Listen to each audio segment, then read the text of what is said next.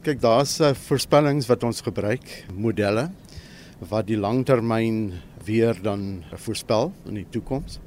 En ons praat nou van honderde tot 200 jaar. En daai modelle wys tog dat die droogteomstandighede erger gaan word, veral hier oor die Karoo, Nelson Mandela Bay se omvangsgebiede.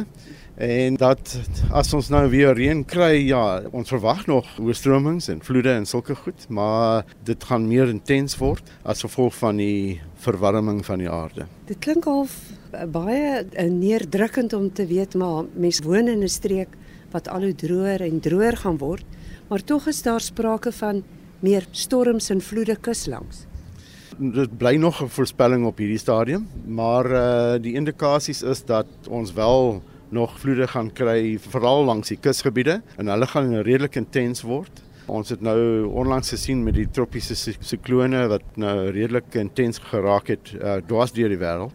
Maar hier in Nelson Mandela Bay, die feit bly staan dat die binnelandse gebiede al hoe droër gaan word as gevolg van hierdie verwarming. Kusstreke kan wel 'n bietjie meer reën kry, maar ek dink in die algemeen gaan dit uh, droër en droër word. As jy praat van droër en droër, is nou nie meer in die westelike gedeeltes van die Karoo in die streke van die opvangsgebiede. Nou behalwe dat elke baie naar watertanks moet kry. Watse boodskap stuur dit uit aan die boere? Ja, die boere sal definitief moet begin meer tegnies te boer. Hulle sal moet aanpas. So hulle sal boertegnies moet verander en ook ander tipe plante plant wat meer wat so sê drought resistant in, in in Engels om te aanpas uh, aan die klimaatsverandering. As ons praat van tegniese boerdery, is dit meer kommersieel kleiner lande wat gedek is tot uh, tonnel boerdery en uh, waar die klimaat dan minder impak het op boerdery. Maar met uh, kleinvee en sulke goed, jy weet, dit is 'n bietjie moeilik. Van die kleinvee soos hoenders kan jy nog in tonnels uh, sit maar angora bokke en, en en sulke goed hulle gaan nog steeds buite moet bly. Maar hulle is redelik uh, uh sterk. Hulle hulle kan daai uh, droogte hanteer. So ek dink uh, hulle gaan nog alright wees vir die hele rukkie. Ons praat met Jo van die Kerkhuis die Oos-Kaapse streeksbestuurder van die Suid-Afrikaanse Weerdiens en hy het nou sopas ook vir boere gesê veral in die Karoo Weselike gedeeltes pas aan want die langtermyn voorspellings dui daarop dat daar al hoe minder reënval gaan val onder meer in die baie se opvangsgebiede maar net terug na die boerdery. So 2 jaar gelede het jy met boere hieroor gepraat. Hoe was die ontvangs en is daar al mense wat jou waarskuwings um, ter harte geneem het? Ek dink hulle het wel geluister uh, van hulle en, en ek dink is hulle wat suksesvol gaan wees. So uh, ja, ek dink uh, in die algemeen begin hulle nou aanpas want die aanpassing sal moet voordeur vir die volgende paar jaar. Baie mense sê iemand lieg soos 'n tandetrekker of 'n weerprofeet. Nou net om seker te maak. Jy staan nie hier en lieg gemaak almal vreeslik bang nie want daar's baie mense wat ook sê aardverwarming of klimaatsverandering is maar net bangmaak praatjies en so en nou sê jy maak reg of pas nou al aan vir droër toestande, Jo. Ehm um, waarop grond julle hierdie voorspellings? Dit is nie net die modelle wat vir ons 'n aanduiding gee van uh, wat gaan gebeur met uh, aardverwarming nie. Maar mense kan gaan kyk na sulke goed soos yspakke wat begin smelt, diere wat begin aanpas al. Daar's baie goed in die natuur wat al klaar begin verander het.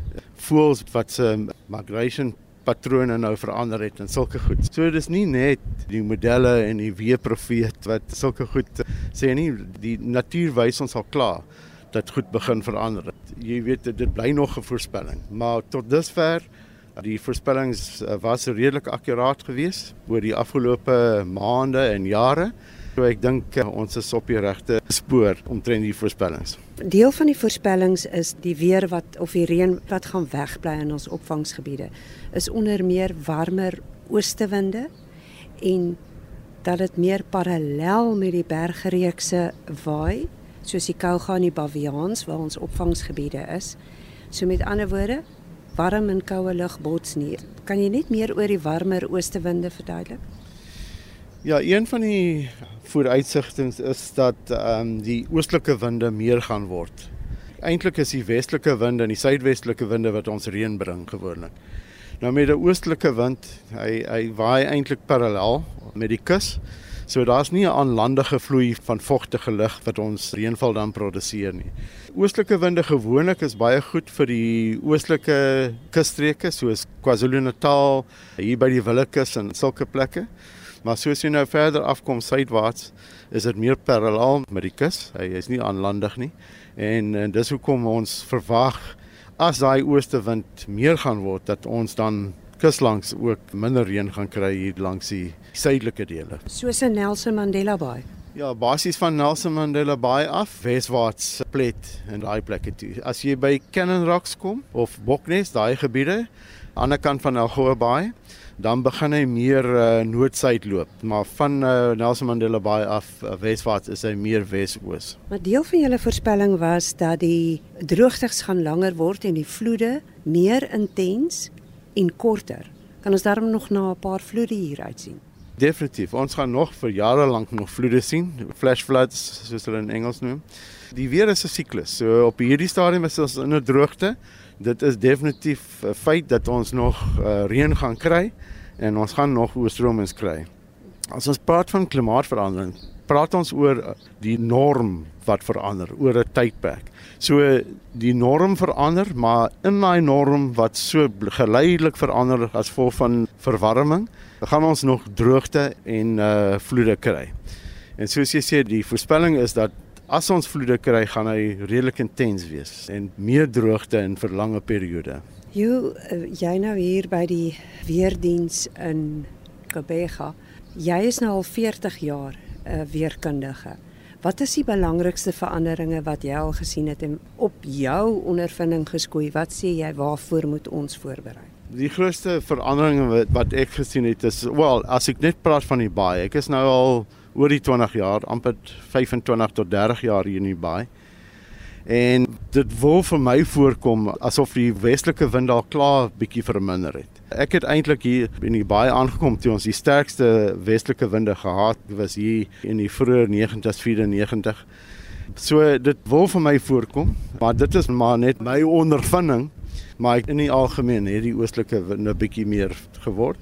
Maar andersins ek sien nie hier uh, in die baie self 'n groot impak van klimaatsverandering nie dit is maar die siklus van weer wat droogte en vloede wat ons maar elke 7 jaar so gaan kry.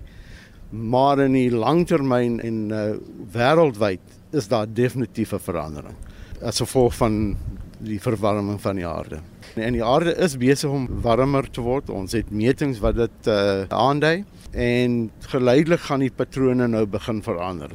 Soos daai temperature warmer en warmer word. En ek praat nou hier van norm of 'n gemiddelde temperatuur. Jy weet, jy kan nie nou sê ag, maar vanoggend was baie koud geweest, so hoe kan jy sê dis global warming of aardverwarming? Ons praat van 'n gemiddelde temperatuur oor periode jare se tye wat nou hoër begin word. En daarvolgens kry ons nou hierdie meer intens weerstelsels. Maar daarvan gepraat, hoe het jy aangepas om op jou eie klein manier te help om aardverwarming 'n bietjie af te bring en wat kan die gemiddelde mens doen? Baie mense daar klaar begin met uh, watertanke opsit. Baie mense gebruik nou wind turbines en en baie mense het al as gevolg van uh, Eskom se probleme het al klaar begin inverters uh, insit en uh, solar panels.